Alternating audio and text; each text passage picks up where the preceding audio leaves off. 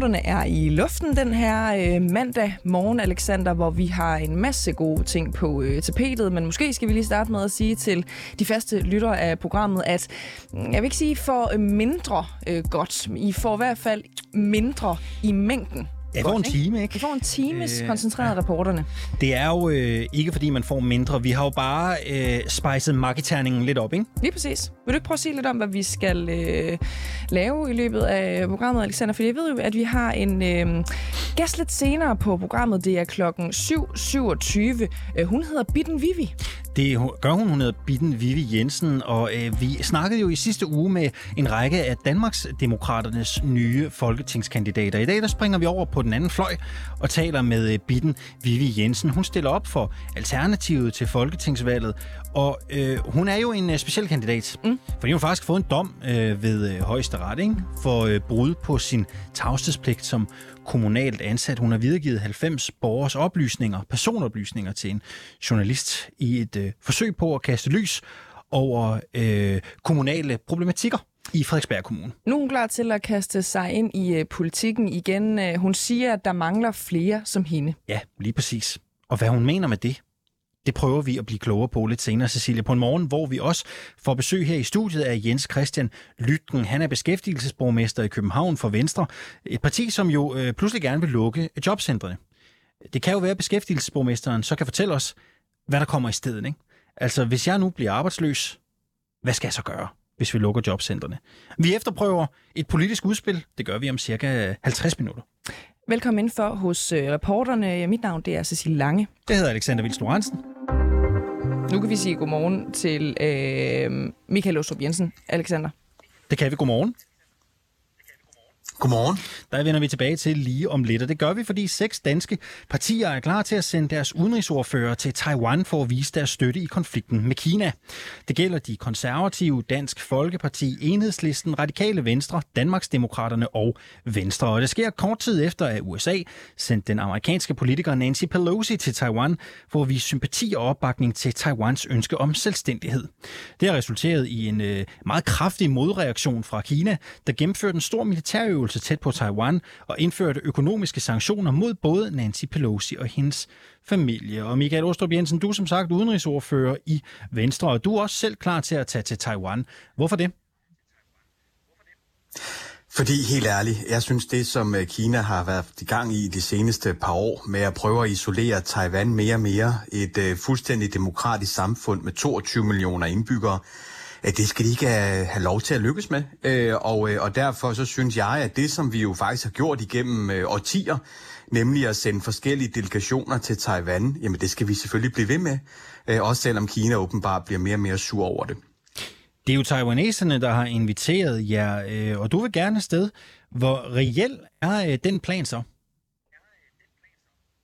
Jamen, den er rigtig reelt. Altså, vi har forsøgt igennem øh, nu efterhånden et stykke tid at, at få planlagt en tur. Den eneste grund til, at vi ikke er kommet afsted her de seneste øh, års tid, er på grund af coronarestriktionerne, som der er øh, i Taiwan. Nemlig hvis at man bliver smittet, så skal man være der i 14 dage og så videre.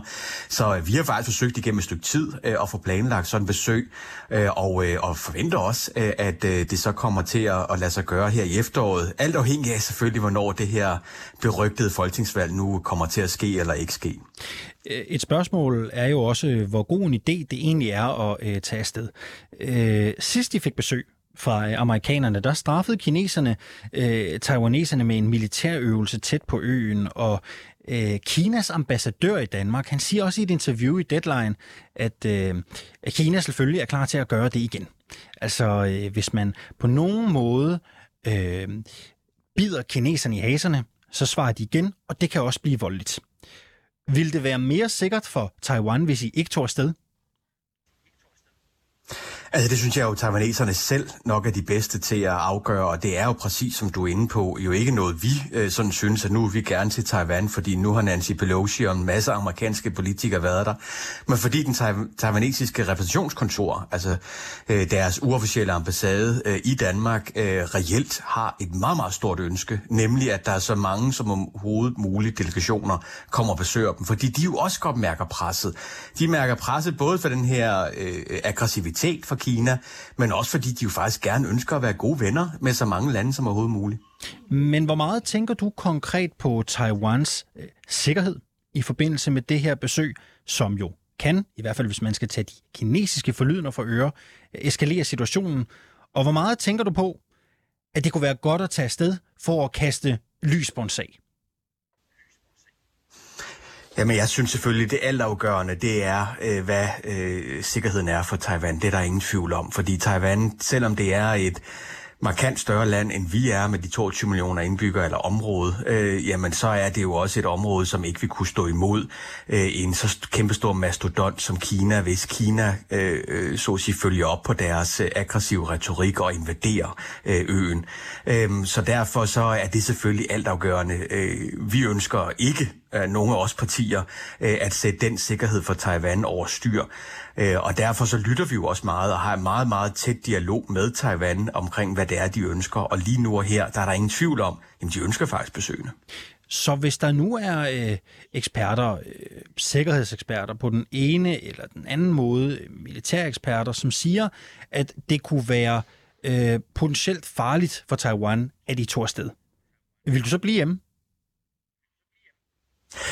Ja, det må jeg indrømme. Altså, øh, selvfølgelig er der jo også altid forskel blandt eksperter øh, i, hvad der er smart eller ikke smart, men, men, men, men hvis der sådan er en uh, entydig, sådan overordnet konklusion på, at det jo være en dum idé, jamen så gør vi det selvfølgelig ikke. Altså, nu kan jeg selvfølgelig kun tale på vegne af mig selv, men så har jeg ingen fantasi til at tro, at nogle af de andre partier øh, og, skulle synes, det var en god idé. Ved du, om jeg altså, rådfører det her, fordi vi faktisk synes, det er vigtigt øh, at hjælpe. Har I spurgt nogen? Jamen, det gør vi da løbende.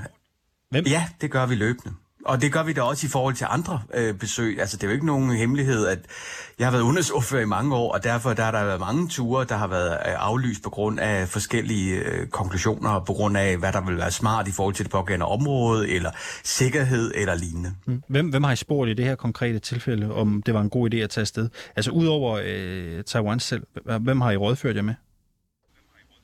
Jamen, der er heldigvis nogle gode folk, som arbejder med øh, Taiwan. Øh, jeg er selv formand for det, der hedder øh, Dansk Parlamentariker øh, Taiwan øh, Forening, hvor øh, alle partier er medlem, og derfor så har vi møder med forskellige folk, som arbejder med Taiwan. Øh, så, øh, så vi har spurgt øh, to-tre stykker kan du øh, omkring, nogen? hvad der er smart og ikke smart her. Ja, hvem? Øh, ja, øh, blandet Taiwan Corner, øh, som er en øh, konkret NGO-forening, øh, har blandet rådført os, og så er der også andre, jeg ikke lige kom i tanke om. Men, men øh, vi har spurgt konkrete mennesker, ja, det har vi. Og det, der er jo vigtigt at holde fast i, det er jo, at øh, besøget er jo ikke i morgen eller i overmorgen, så vi vil selvfølgelig rådføre os øh, helt op til, når besøget skal være. Nogle eksperter øh, mener jo også, at Danmark kan risikere en modreaktion fra Kina i form af økonomiske sanktioner, så frem i tager afsted. Vil rejsen være det værd, hvis den resulterer i sanktioner mod Danmark, eksempelvis på eksportområdet? Det er jo altid en afvejning omkring, hvad det er, men jeg ønsker ikke øh, som dansk folketingsmedlem at sætte Danmarks handelsforbindelser øh, over styr, fordi det er noget, der kan være rigtig, rigtig, rigtig øh, ondt øh, på os. Øh, vi ved fra øh, Litauen, da de kom i kampolage, øh, at det gjorde rigtig ondt, øh, og derfor er det vigtigt for mig, at det her det ikke er en isoleret dansk aktion med at sende parlamentarikere øh, besøg til Taiwan, men det faktisk er så godt som alle EU-lande, der fortsætter med, og det er det stadigvæk. Michael Ostrup Jensen, udenrigsordfører i øh, Venstre. Øh, lige her til sidst, inden jeg slipper dig, ikke? Øh, hvis der nu bliver udskrevet valg lige om lidt, hvilket noget jo øh, tyder på, er du så klar til at rejse til Taiwan, også selv når valget er overstået, og øh, der måske ikke er lige så meget øh, omtale omkring de politiske partier? Ja, altså øh, efter valget, så er jeg helt klart øh, på det. Altså den her tur har været, øh, så at sige, diskussion igennem lang tid, så svaret ja. Godt. Michael Ostrup Jensen, som sagt udenrigsordfører i Venstre. Tak fordi du var med her øh, til morgen. Og øh, så kan jeg lige til slut nævne, at hvis den danske delegation kommer afsted, så er planen, at det skal ske til efteråret, som øh, Ostrup Jensen også siger, og på den anden side af et folketingsvalg.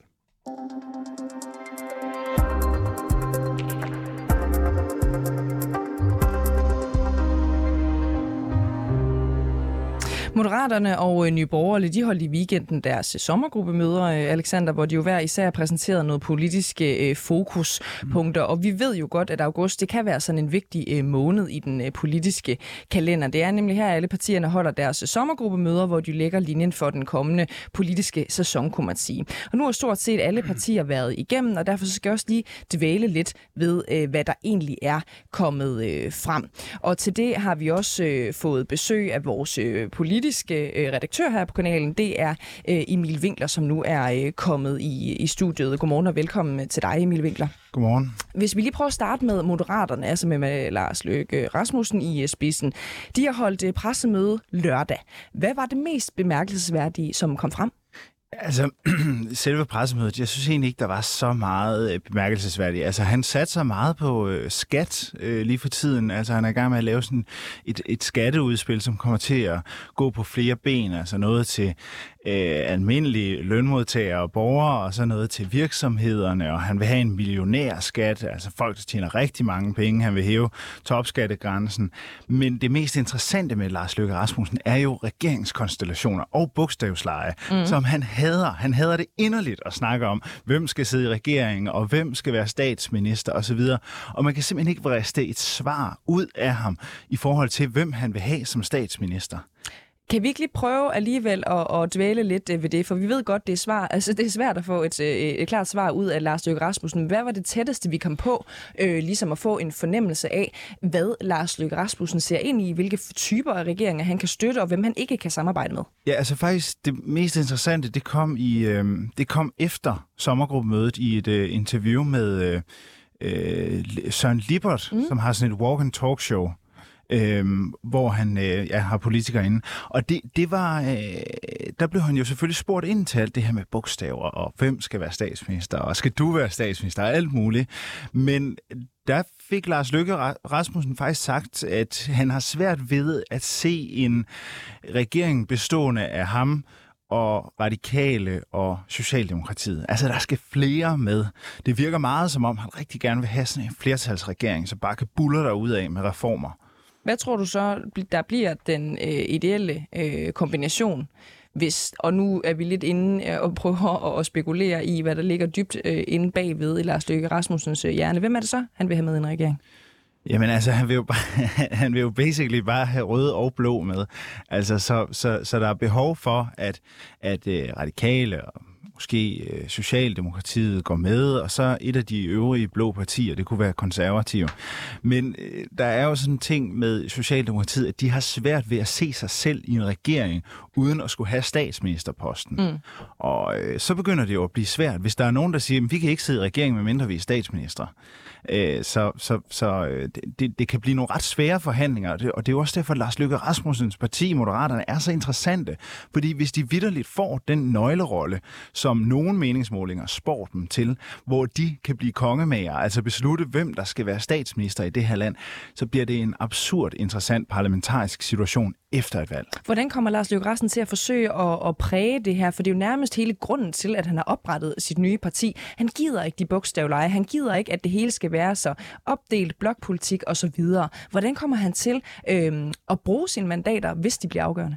Jamen, han har selv sagt, at han vil låse den parlamentariske situation, ligesom vi har set i andre lande, hvor regeringsforhandlinger kan trække ud i månedsvis, fordi man forsøger øh, alle mulige forskellige kombinationer af, af regeringer og se, hvad, hvad kan vi stykke sammen.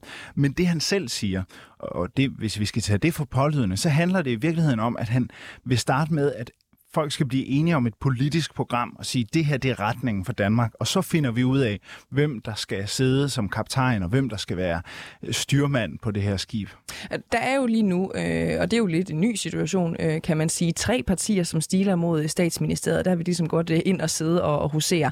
Øh, konservative, Venstre og Socialdemokratiet. De holdt jo også alle sammen øh, med supergruppemøde i, i, i den her uge. Hvad var værd at lægge mærke til? Altså, det er jo værd at lægge mærke til, at, at der er en valgkamp på vej. Altså, det, det kan man meget tydeligt mærke, fordi det handlede ret meget om politik, altså de ting, som kom frem på de her sommergruppemøder. Socialdemokratiet fremlagde fem øh, pejlemærker, som de kommer til at satse på til et valg, og her var øh, det, det vigtigste øh, for dem, det var stigende priser og inflation og så videre, tryghed om danskernes økonomi, og vise sig som et økonomisk ansvarligt parti.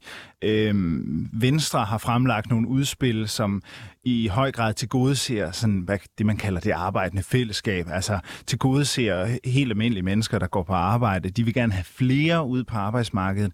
De vil gerne øh, skabe øh, øh incitamenter for, at folk går for eksempel fra deltid til fuldtid osv. Så, videre. så de har meget fokus på, på arbejdsmarkedspolitik øh, på, på sommergruppemødet her. Og så er der konservative. De kom med en altså, meget, meget stor øh, skatteplan, altså som sænker skatten for altså mange, mange milliarder. Øhm, og det er topskat, de vil af med.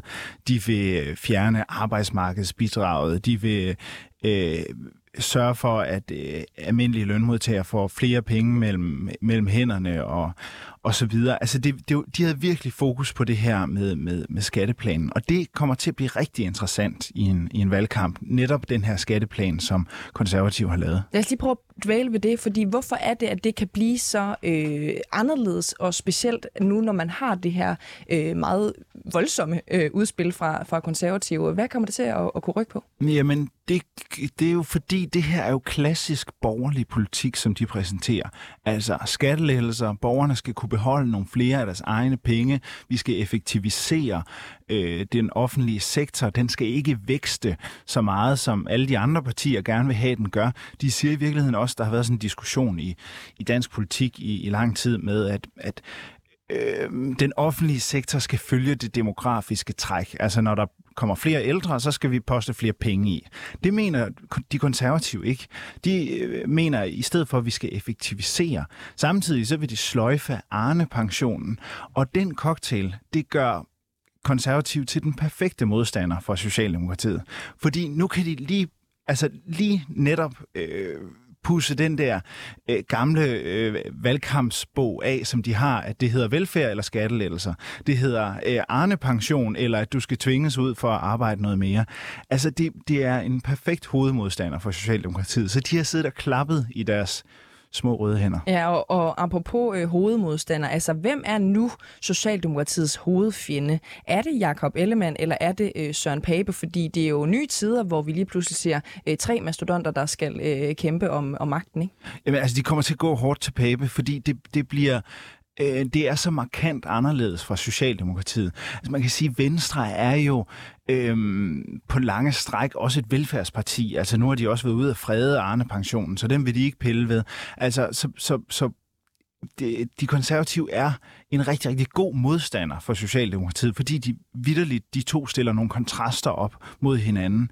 Og så er der jo også altså det øh, øh, faktum, at, at der nu er to øh, statsministerkandidater i Blå Blok. Altså, prøv at høre, hvis du stemmer på en i Blå Blok, hvem, hvem får du? Altså, hvem bliver kaptajn på det skib? Det aner man ikke. Og det, det er jo også noget, de kommer til at spille på. Altså, du risikerer, at der kommer øh, en, en statsminister, Søren Pape, som laver massive skattelettelser, fjerner Arne-pension og alt muligt muligt. Mm. Og det er jo det fjendebillede, de forsøger at tegne op. Nu har vi som sagt øh, været igennem her de fleste sommergruppemøder. Øh, Prøv lige at sætte nogle ord på her, øh, når vi nærmer os en afslutning på det her interview, Emilie Minkler. Øh, hvordan har man kunne fornemme, at vi går ind i et valgår? Jamen, det har man kunne fornemme, fordi det, det, det har været rigtig meget politik, altså, og det er, det er po- politiske udspil, som, som bliver præsenteret. Altså den der skatteplan fra, øh, fra konservative og pejlemærkerne for en valgkamp for Socialdemokratiet. Øh, SF har selvfølgelig også øh, altså præsenteret noget politik, som lige passer ind i deres øh, kernegruppe. Altså de, det er jo tit offentligt ansatte, som de henvender sig til.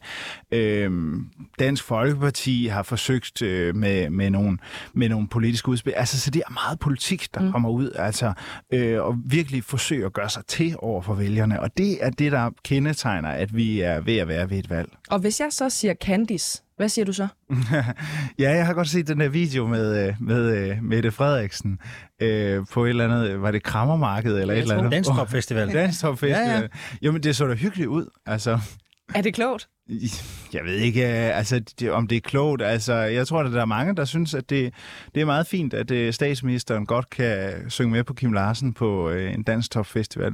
Altså, Socialdemokratiet er jo inde i sådan en fase, hvor de skal ligesom prøve finde deres identitet i forhold til balancen mellem land og by. Og det her, det henvender sig jo meget til, til landdistrikterne. Øh, og det er, jo, det er jo det, øh, altså, det er jo det, der er så forbandet ved at være Venstre og Socialdemokratiet. Det er jo, at man skal ligesom forsøge at være nogle folkepartier, som skal spænde meget bredt. Og, og, og det kan være svært at finde den balance, og det er noget, som partierne kæmper med. Altså alle deres dage, det er at finde ud af, hvad er balancen øh, mellem, øh, mellem land og by. Emil Winkler, lige her til sidst, øh, og det er jo noget, vi har for vane at gøre hver eneste gang, du kommer i studiet, det er lige at få dit øh, bud på, hvornår øh, valget kommer. Kan vi ikke lige prøve at få et, øh, et øh, kvalificeret bud på, hvornår vi skal til valg? Ja, altså, mm, jeg havde egentlig troet, at, øh, at, at det ville det vil komme meget snart, øh, men, men nu tror jeg, at vi lige øh, venter lidt. Altså, jeg tror lige, vi skal have præsenteret et finanslovsforslag. Det kommer her snart i, i august måned her. Vi har jo selvfølgelig ikke så mange dage tilbage i august. Og så skal vi lige have deres, deres 2030-plan. Jeg tror, at ja, midt, midt september vil være et godt bud. Vi følger naturligvis med på den øh, politiske øh, scene. Emil Winkler, øh, tak fordi du var med her til morgen. Selv tak. Politisk redaktør her på kanalen. Og senere i den her uge, der holder Enhedslisten jo altså også sit sommergruppemøde, Alexander, så det følger vi selvfølgelig også flittigt med på her hos reporterne.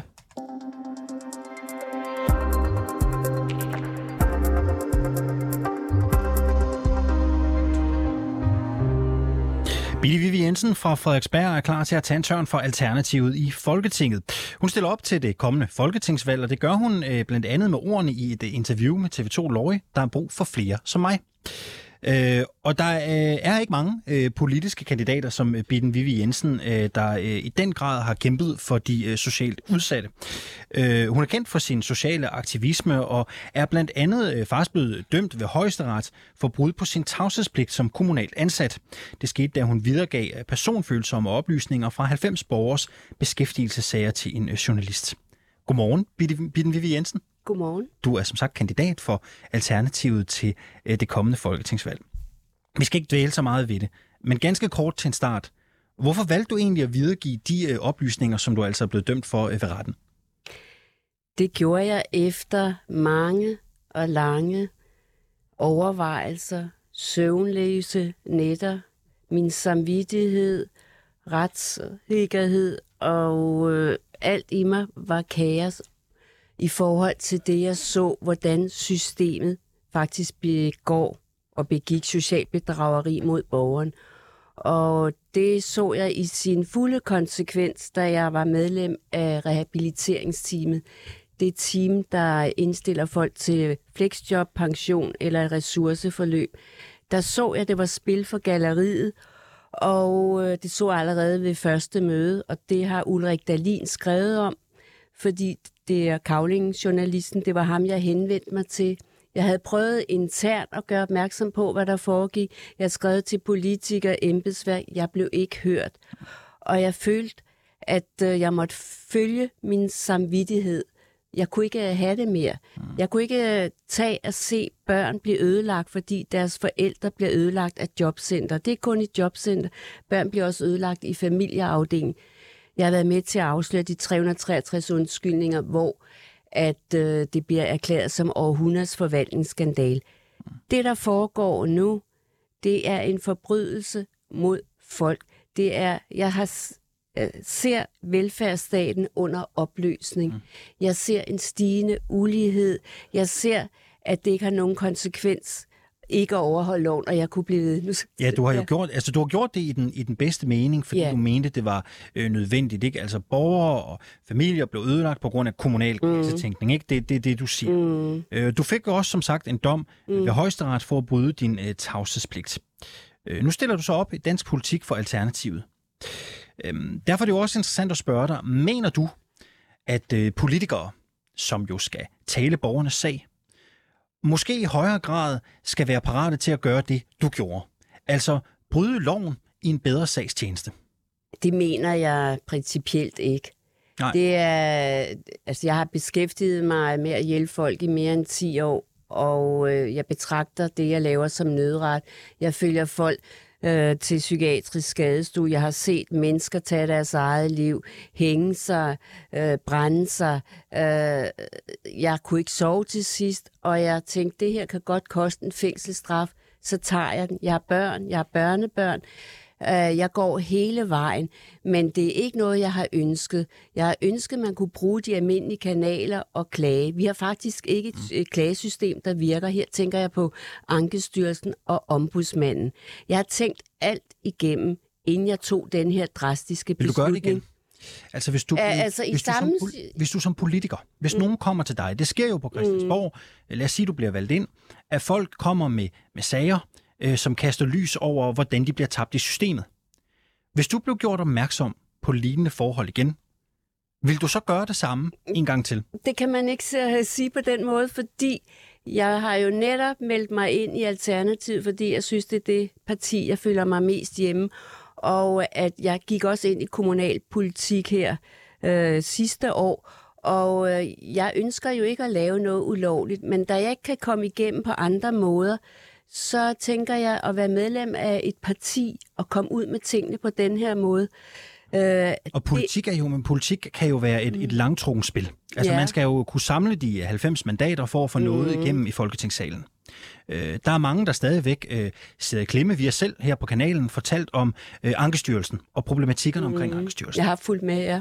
Det er bare, hvis du igen er borger, mm. som sikkert vil henvende sig til dig, fordi du har en stærk stemme, mm. og du er aktivistisk. Mm. Øh, gør dig opmærksom på ting i den kommunale eller offentlige forvaltning, som presser familier og borgere. Vil du igen videregive deres oplysninger for at kaste lys på den her sag som politiker? Altså, hvis, Vil du være villig til at tage en dom eller en fængselsstraf igen? Ja. Det vil du. Ja. En gang til. Ja. Mener du også, at andre politikere burde gøre det? Altså det for må at de selv svare på. Hvis jeg ikke kan komme igennem på andre måder, Okay. vil jeg gøre det igen. Jeg kan se mig selv og mine børn og børnebørn i øjnene. Jeg synes ikke, det er hensigtsmæssigt, at det skal være nødvendigt som offentlig ansat at komme så langt ud. Men jeg må erkende, at man som offentlig ansat ikke øh, har nogen ytringsfrihed. Hvis du siger, hvad du mener, påpeger lovstrid umenneskelig sagsbehandling, så er det ud af vagten. Ja, jeg vil gøre det igen. Jeg vil risikere alt, hus og hjem. Ja. Det vil jeg. Ved du, hvad de siger til det i Alternativet? Altså, er der opbakning til, at man går så langt? Altså potentielt Altså, har en ja, dom, der- begår noget ulovligt, for at kaste lys over øhm, kritisable forhold i den offentlige forvaltning. Som sagt håber jeg ikke, det bliver nødvendigt, efter jeg er blevet medlem af Alternativ, men der er forskellige meninger, der er plads til forskellige meninger i Alternativ. Men tror du, er der opbakning til det i partiet? Ved du det? Øh, jeg ved, at øh, der er divergerende meninger om Hvem, det. hvem, hvem mener, at man, at man skal gå så langt? Vil, du, vil du sige det? Nej, Men der er stemmer i Alternativet, der, der, mener, at det skal man jeg, jeg har opbakning. Vi har talt om det, for vi ved Ja. ja. jo godt, at det er et øh, problem, der vil blive taget op. At, og det, det er jo også et øh, spørgsmål, der deler vandene. Nu må hun da snart forstå det. Nu er det gået helt til højesteret. Men det er jo også fordi, at det er blevet, sagen er blevet erklæret at være af principiel betydning. Det er jo ikke sådan bare, at man lige kan gå til højesteret. Og jeg fik den mildest tænkelige dom i øh, byretten og så hele vejen igennem systemet. Og øh, min dom var så lav, altså det var 10 dagbøder, 500 kroner, og der måtte min øh, advokat søge procesbevilling øh, nævnet om lov til at gå videre. Og jeg tænker, jeg går hele vejen. Vi er nødt, befolkningen er nødt til at vågne op. Vi har et samfund med stigende ulighed, polarisering og torturlignende behandling af sårbare, udstødte mennesker. Det der ord, det er ikke noget, jeg finder på. Det har juraprofessor i socialret Kirsten Ketscher udtalt. Mm. Jeg ser folk blive gjort hjemløse af systemet. Jeg ser folk blive indlagt. Det, vi kan ikke have sådan et samfund.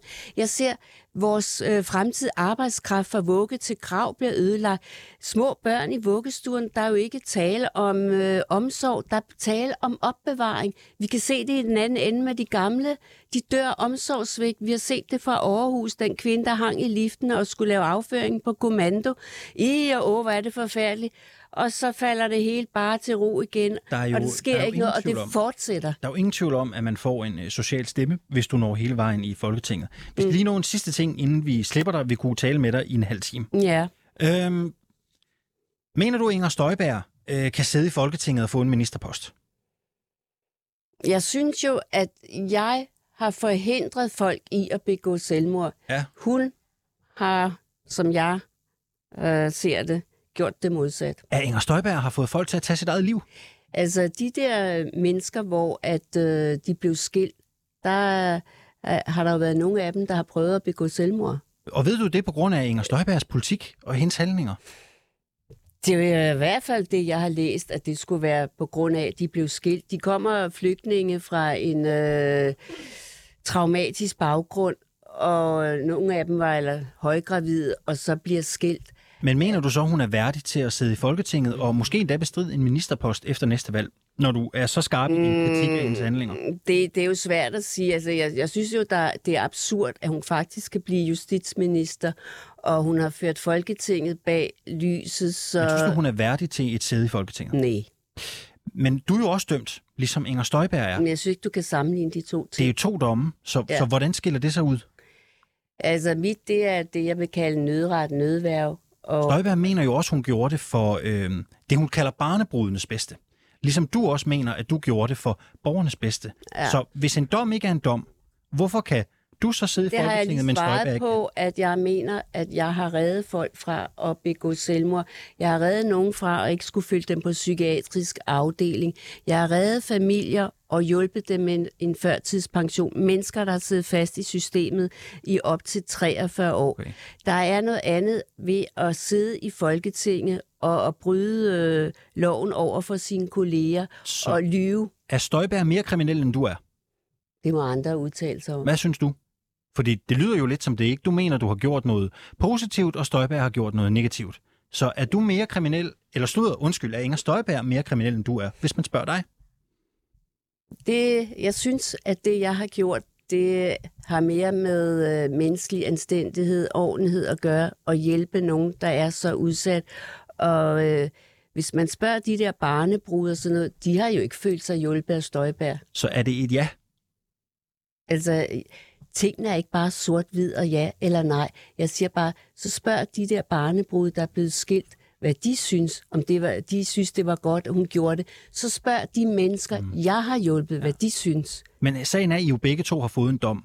Så, så Jeg har ikke hvad det hedder, fået en dom med fodlænke, eller jeg er ikke uværdig til at sidde i byrådet eller andre steder, i modsætning til Støjberg. Så på den måde er hendes dom strenger, og jeg synes også, at hendes forbrydelse er strengere end min. Ja. så, så er hun mere kriminel, end du er. Altså lad være at spørge mig på den måde. Jeg, jeg Hvorfor svarer, vil du ikke svare? Fordi jeg, jeg siger, altså jeg hader det der sort-hvid. Øh, det må man jo lade folk om. Jamen, nu spørger jeg, hvad du synes. jeg, jeg siger, at jeg synes, hendes forbrydelse er værre end min. Men du vil ikke svare på, om hun er Men der, der, mere... dermed, der svarer jeg jo på det. Ja. Ved du hvad, tusind tak skal du have, fordi du havde lyst til at komme. Jo, tak. Bitten uh, Vivi Jensen. Jeg er jo altså. ked af, at jeg ikke fik lov at sige mere, fordi øh, jeg har jo meget mere at sige om, hvordan vi svigter folk fra vugge til grav, og vi er ved at ødelægge en hel generation. Vi kan se det i Fields med den unge mand, øh, som øh, begik den tragiske tragedie. Det er der Men jo lad os ikke. lave et interview en anden dag. Ja, Fordi du har meget på hjertet, og det ja kunne være det spændende. har jeg. Lad os gøre ja, det. Ja. Det kan vi sagtens. Tusind tak, fordi uh, Ja. du havde lyst til at komme. Ja. Altså folketingskandidat for Alternativet i øh, Frederiksberg øh, Kommune.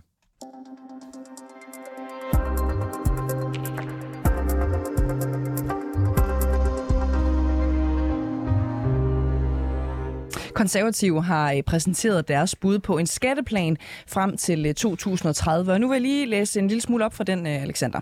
Det har altid været en konservativ grundværdi, at det skal kunne betale sig at gå på arbejde og gøre en ekstra indsats. Derfor vil vi hæve beskæftigelsesfradraget med 4 procentpoint, så man kan beholde en større del af sin løn. Og Alexander, hvis man så lader øjnene vandre nogle linjer længere ned på samme side, så står der, vi foreslår at forenkle skatten på arbejde markant, blandt andet ved at afskaffe arbejdsmarkedsbidrag, og altså afskaffe job- og beskæftigelsesfradraget. Så hvad vil konservative egentlig? Vil de hæve, eller vil de afskaffe beskæftigelsesfradraget? For der står to forskellige ting.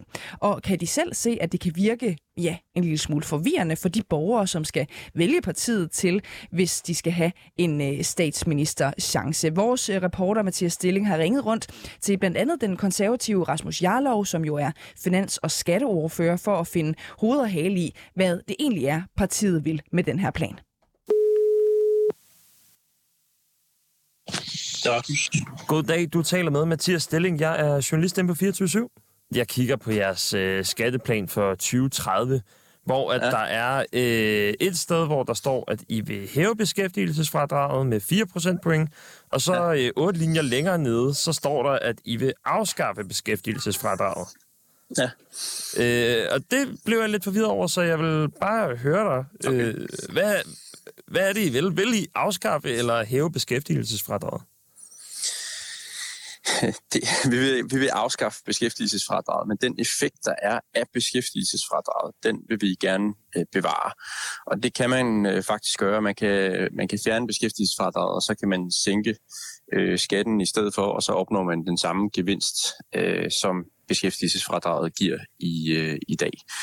Øh, og den gevinst vil vi så øh, forøge, øh, hvilket svarer til, at man øh, øger beskæftigelsesfradraget med de der 4% som står i vores udspil.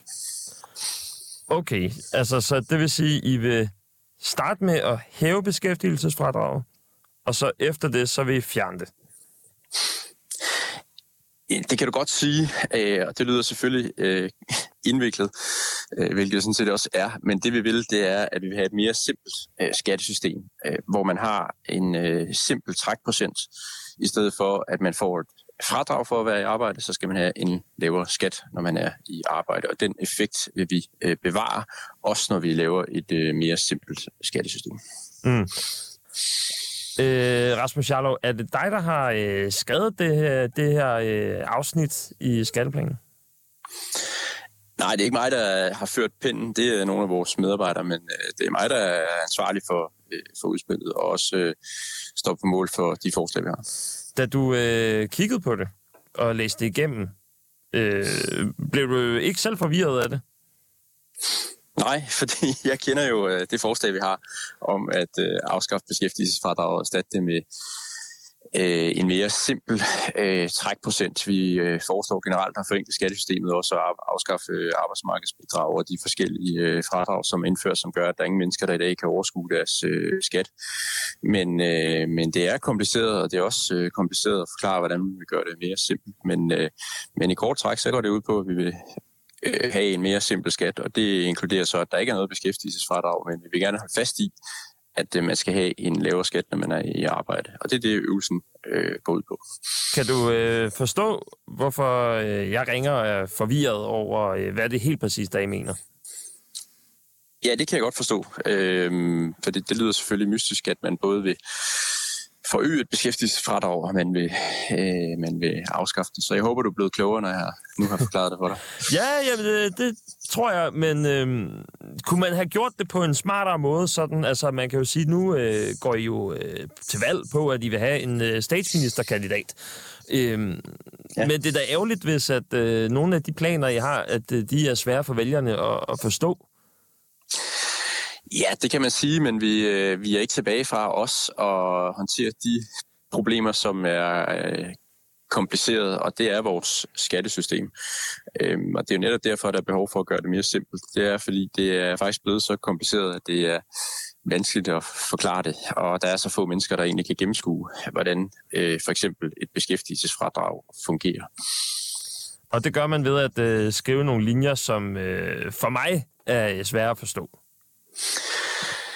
Ja, altså nu øh, kan vi jo desværre ikke forstå øh, ting for folk, men vi kan prøve at forklare dem øh, så godt som muligt, så jeg håber da, at det står, det står så nogenlunde klart nu, efter du har fået det forklaret. Mm.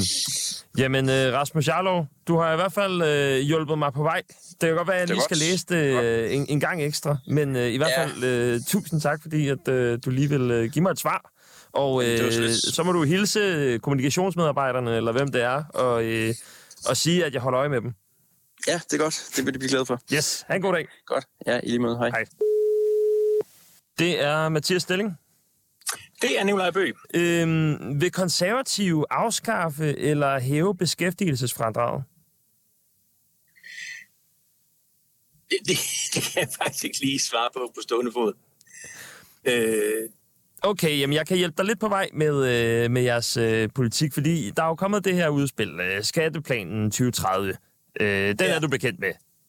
Den er jeg bekendt med, men jeg må indrømme, at jeg ikke lige har haft tid til at, at nærlæse den. Okay, må jeg lige læse noget op for dig så? Og jeg citerer. Det har altid været en konservativ grundværdi, at det skal kunne betale sig at gå på arbejde og gøre en ekstra indsats. Så langt så godt. Det øh, kan jo I selvfølgelig stå indenfor.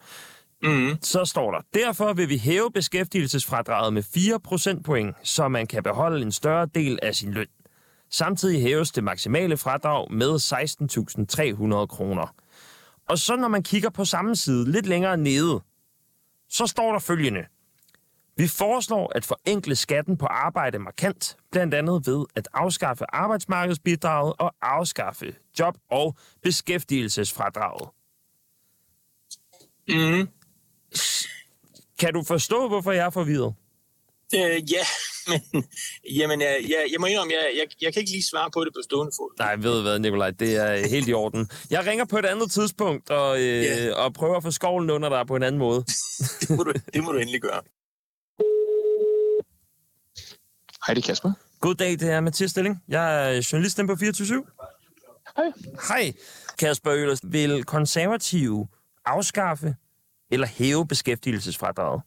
Øh, vi vil hæve beskæftigelsesfradraget, som jeg har forstået øh, politikken, der blev lagt frem. Sådan som jeg har forstået det, så er det jo en forenkling, der skal, der skal gøre det nemmere at udregne sin egen skat. Og det betyder, at man jo simplificerer, man vil hæve beskæftigelsesfradraget, og derefter så simplificere den måde, man, man trækker skatten på, sådan som man kun har øh, som øh, 1% regning at skulle leve som, øh, som menig dansker. Så man siger, det vil blive medregnet ind i den nye model, kan man sige. Kan du forstå, hvorfor jeg er forvirret, Kasper? Øh, nej, faktisk ikke. Det, jeg, jeg forstår ikke helt, hvorfor du er forvirret. Okay. Det er jo bare, når der står, at øh, man vil hæve beskæftigelsesfradraget, og så, altså, så er det ikke meget mere end en 8-10 linjer længere nede. Mm-hmm. Så står der, at man vil afskaffe det. Øhm, Ja, men det er, jo, det er jo fordi, at hvis man simplificerer skatten, så, er det ikke, så, så vil man, man vil, man vil ligesom fjerne den, øh, det udregningsled, og så lægge den, det, det fradrag og den skat ind i, øh, ind, i, ind i et andet udregningsled i stedet for. Så, så man, når man får sin øh, lønningsseddel, så kan man se, hvad, øh, øh, hvad man har fået øh, udbetalt, eller hvad, hvad arbejdsgiver ligesom har til side til en, og så kan man se, at der er blevet trukket en skattesats, og så har man så fået resten af pengene udbetalt. I stedet for, at vi i dag jo først har trukket arbejdsmarkedsbidrag, øh, og så betaler øh, skat af den procent, der så er tilbage, hvilket kan, for mange kan være øh, utrolig forvirrende og svært at udregne. At det var Rasmus Jarlov, finans- og skatteordfører, samt Nikolaj Bø og Kasper Øler, som jo er folketingskandidater i Københavns Storkreds, som vi altså hørte fra her. Alexander, spørgsmålet er jo så, om konservative skatteplaner overhovedet er realistiske. Mathias Stilling har ringet til Torben Bakke, som er advokat og skatteekspert i over 30 år, som øh, mener, at det umiddelbart ikke hænger sammen. Hvis du så spørger mig, tror du, Torben Bakke, med det afsæt, at du nu har været skatteekspert i 30 år og arbejdet med det her, at det kommer til at ske, så er mit svar nej. Og det er sådan set uanset, hvilken politiker vi tager fat i forud for et valg, så vil de stille sig op og sige, vi går til valg på at gøre tingene mere enkle. Der er ingen politikere, øh, jeg kender til indtil videre, der, der er stillet sig op og har sagt, jeg går til valg på at gøre skattesystemet mere kompliceret. Virkelighedens verden er bare, at hver eneste år, så vedtages der et hav af nye skatteafgiftsregler. Og derfor så bliver skattesystemet hver eneste år mere kompliceret, uanset politikernes intentioner om det modsatte. Og derfor så tror jeg ikke ret meget på, at det lykkes det konservative frem til 2030 at opnå den her beskrevne forenkling af skattesystemet. Ja, så lød det altså fra øh, Torben Bakke, som er advokat og skatteekspert i øh, TVC. Øh, Alexander, det er jo sådan nogle ting, som der skal være styr på. Ikke? Mm. Det, er jo, det er jo svært at vide, om det lige præcis er hjemmesiden, der ikke er blevet opdateret. Mm. Jeg synes, at vi kunne høre på Rasmus Jarlov, at det var en lille smule kompliceret og svært mm. at, at forstå det her med skattepolitik. Ikke? Mm-hmm. Mm. Lige præcis. Øh, Cecilie, følg lige en jingle af. Okay. Fordi vi skal videre, og øh, vores næste gæst er på trapperne, og nu øh, øh, ved vi ikke rigtigt, hvad der sker det næste stykke tid, fordi vi venter på, at han kommer herind. Det er Jens Christian Lytken, som er beskæftigelses- og integrationsborgmester i øh, København. Han er på trapperne, og øh, han skal udtale sig om Venstres nye udspil. Et udspil, der altså vil lukke jobcentrene. Ikke? Det er jo der, hvor øh, mange af os skal hen, hvis vi øh, står uden job og ikke kan få et selv, så skal man jo hjælpes på vej af jobcentret. Spørgsmålet er jo så bare, hvis man lukker jobcentrene, Hvem er det så egentlig, der skal tage sig af de der opgaver i stedet mm. for? Mm. Det skal vi prøve at blive klogere på, når Jens Christian Lytten han kommer i studiet her øh, lige om lidt. Det vi ved, du skulle til at sige noget. Nej, det, Byd jeg vil egentlig bare lige byde ind med, hvis man ikke altså, vidste i forvejen, at jobcentrene har jo fået massiv kritik i løbet af, af de seneste år. Ikke? Der er noget, der tyder på, at der er en del i butikken, som ikke fungerer i hvert fald. Altså, der er mange, som oplever, at de ikke får øh, hjælp øh, nok. Det er et begrænset antal af mennesker, som rent faktisk bliver hjulpet øh, i arbejde. Der har været flere sager, som er blevet afdækket øh, fra dygtige journalister hen øh, over de seneste år. Ikke? Spørgsmålet er jo bare, når man går ud og siger, at vi skal sløjfe jobcentrene, så må man have et bud på, hvad alternativet så skal være. Mm. Det vi ved, det er, at de danske jobcentre de koster statskassen omkring øh, 12 øh, milliarder kroner om året. Men jobcentrene de er altså ikke effektive nok, lyder det fra øh, Venstre på deres sommergruppemøde her i øh, sidste uge. Jakob Ellemann Jensen han meddelte, at han er klar til at lukke dem alle, og det står altså klar med partiets nye beskæftigelsesudspil. Det vi også ved er, at det danske beskæftigelsessystem faktisk er et af de dyreste. Det er angiveligt et af de dyreste, der findes i verden. Øh, og spørgsmålet er jo så, hvad kan ligesom øh, erstatte dem? Øh, Det er jo ikke det første parti, der har ønsket at lukke beskæftigelsesindsatsen, den, den officielle, som vi kender den. Det har Alternativet jo også øh, været ude at sige, at de ønskede øh, tidligere. Så det er sådan et, et forslag, som altså har øh, levet i dansk øh, politik øh, igennem en øh, periode, igennem flere år mm. øh, faktisk. Nu vender Venstre sig på banen, og derfor er det jo ekstra interessant, øh, Cecilia. Og det er det jo fordi, at vi jo risikerer at have et øh, regeringsparti, eller et statsministerparti, ikke? som altså vil føre det her igennem efter et øh, potentielt valg. Nu må du selv øh, bestemme, om du vil svare på spørgsmålet, Alexander. Jeg synes bare, det var meget øh, relevant lige at, at spørge, om, om du selv har erfaring med det der øh, moras, øh, som det jo også øh, kan være, når man ligesom... Øh, ja, skal jeg prøve at se, om man kan få nogle dagpenge, hvis man for eksempel har mistet sit Jeg arbejde? har faktisk aldrig prøvet det. Har du? Nej, jeg har heller ikke Nej. øh, prøvet det, men jeg synes bare, man hører, at det kan altså godt være lidt øh, af en oplevelse. Jens Christian Lytten, øh, godmorgen og velkommen til. Beskæftigelses- og integrationsborgmester for Venstre i København. Øh, Du er øh, ansvarlig for Københavns Kommune, så det er selvfølgelig også det, der er udgangspunktet ja. for vores interview her øh, til morgen. Øhm, hvis jobcentret skal lukke, hvem skal så hjælpe københavnerne med at komme i arbejde? Jo, altså det forslag, der går fra Venstre, det er jobcentrene, som vi kender dem i dag, de skal lukke. Ja. Og det er jo sådan set enig i, at der er mange ting, øh, som ikke fungerer. Der er for meget lovgivning, vi bruger for mange penge på området, så jeg er helt sikker på, at man kan gøre det bedre og billigere, end vi gør i dag. Så lad os prøve at lave et eksempel. Ja. Lad os sige, at Venstre øh, får magten, og I kan lukke jobcentrene, som vi kender dem i dag. Ja. Jeg bliver arbejdsløs. Det gør jeg under alle omstændigheder om lidt under to år, ikke? Så lukker butikken her jo. Og så kan det være, at det er mig, der skal ud og have hjælp til at få et arbejde. Hvor tropper jeg op henne, når jeg ikke længere kan gå på jobcentret? Så er det jo faktisk sådan, allerede nu, så er det jo vedtaget, at det er A-kasserne, der tager de første tre måneder. Langt de fleste, de kommer jo i job Men lad os springe ud inden over for tre det. måneder. Ja. Ja. Jeg springer ud over de tre måneder der. Jeg er ude af A-kassen. Det kan også være, at jeg slet ikke er medlem. Hvor, hvor går jeg hen første dag, efter enten A-kassens tilbud er endt, eller hvis jeg slet ikke er medlem? Hvad gør jeg i Københavns Kommune? Jamen altså, så bliver det jo et eller andet form for kommunalt tilbud. Det kan også være, at det er en anden aktør, øh, du skal vælge i stedet for. Øh, det forslag, Venstre kom med, der bliver langt større valgfrihed i dag. Der er det jo sådan, at det er jobcenteren, der bestemmer det hele. Du kan som borger ikke selv bestemme, hvis du for eksempel gerne vil øh, i et bestemt tilbud, som måske passer til dig, så er der sådan nogle andre, der sidder og bestemmer for dig, fordi der er en ret firkantet øh, lovgivning på, på området, så du får større valgfrihed. I stedet for at kun er et tilbud, så er der forskellige tilbud. Så, så kan, kan vi komme det nærmere? Altså, Ja. hvad, hvis det står til venstre, hvad kunne det være her i Københavns Kommune, hvis det ikke er jobcentret, som jeg kender det i dag? Jamen, altså, der er jo masser af forskellige andre aktører. Der er nogen, der for eksempel hedder Settlementet. Øh, de er ret gode til dem, der er, hvad skal man sige, meget på kanten af arbejdsmarkedet, hvor de får forskellige former for, for jobprøvning.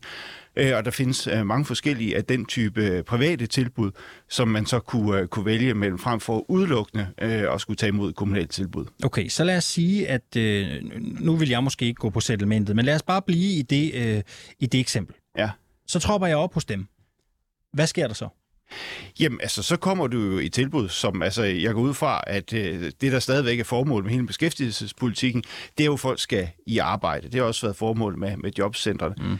Jamen, så gør man det jo dig klar til at, at komme ud på arbejdsmarkedet. Nu tror jeg, du er et dårligt eksempel, fordi jeg tror sådan set, at du er jobparat med det samme. Hvis du nu havde andre problemer, ja. end bare at stå uden for arbejdsmarkedet, så vil de jo hjælpe dig i gang. Det kan også være, at du skal have noget efteruddannelse, ja. øh, for eksempel et øh, sådan et kørekort til at køre truck, for eksempel. Det er der, der er mange, der får, øh, og på den måde så kan gå ind og lave lægearbejde og sådan noget. Men hvor går jeg så hen? Så lad os blive ved mig som eksempel. Du siger, det er et dårligt eksempel. Hvor. Ja. kunne du forestille dig, at jeg kunne gå hen?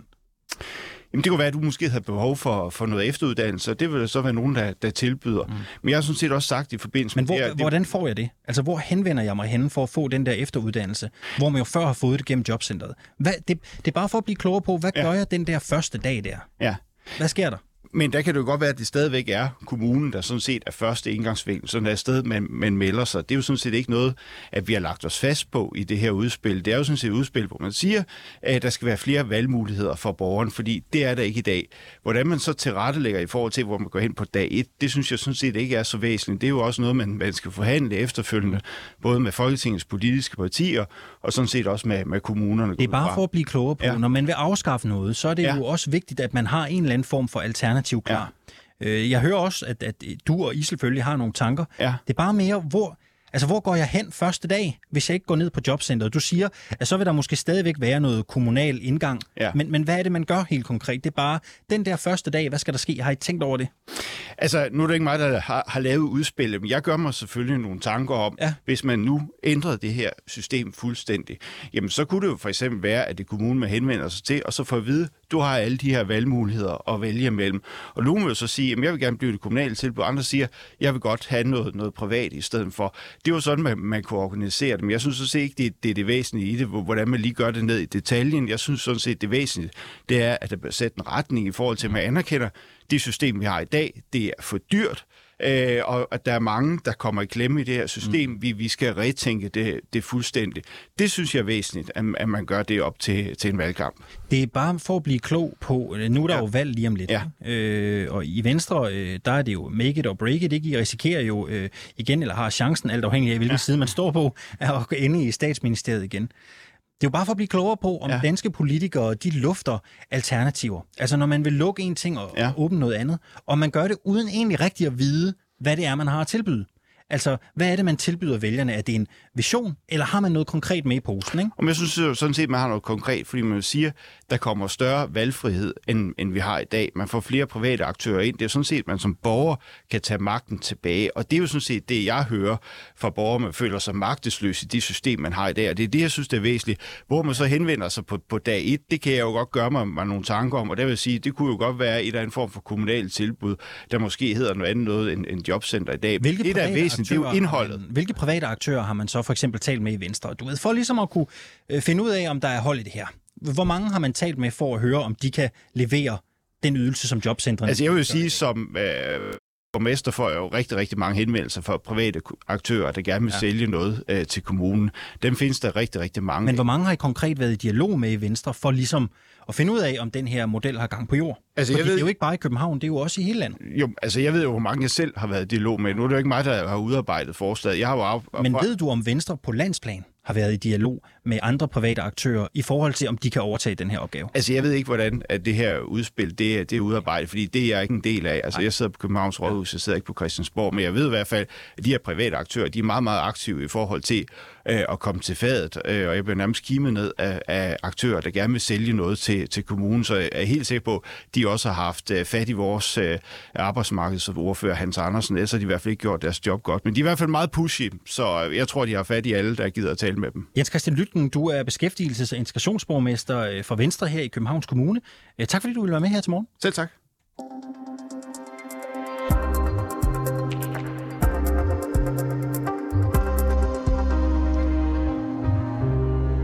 Og det var øh, alt, hvad vi havde på øh, programmet her for øh, dagens udgave af reporterne. Mm. Alexander, husk tips, tricks, øh, andet til kritik. Øh, redaktion. Kritik øh, kan, kan, kan vi også øh, nogle dage rumme. Ja. Skriv ind til reporterne snablag 247.dk, så skal du også huske, hvis du kan lide det, du lytter til, så skal du gå ind og abonnere på os der, hvor du henter din podcast.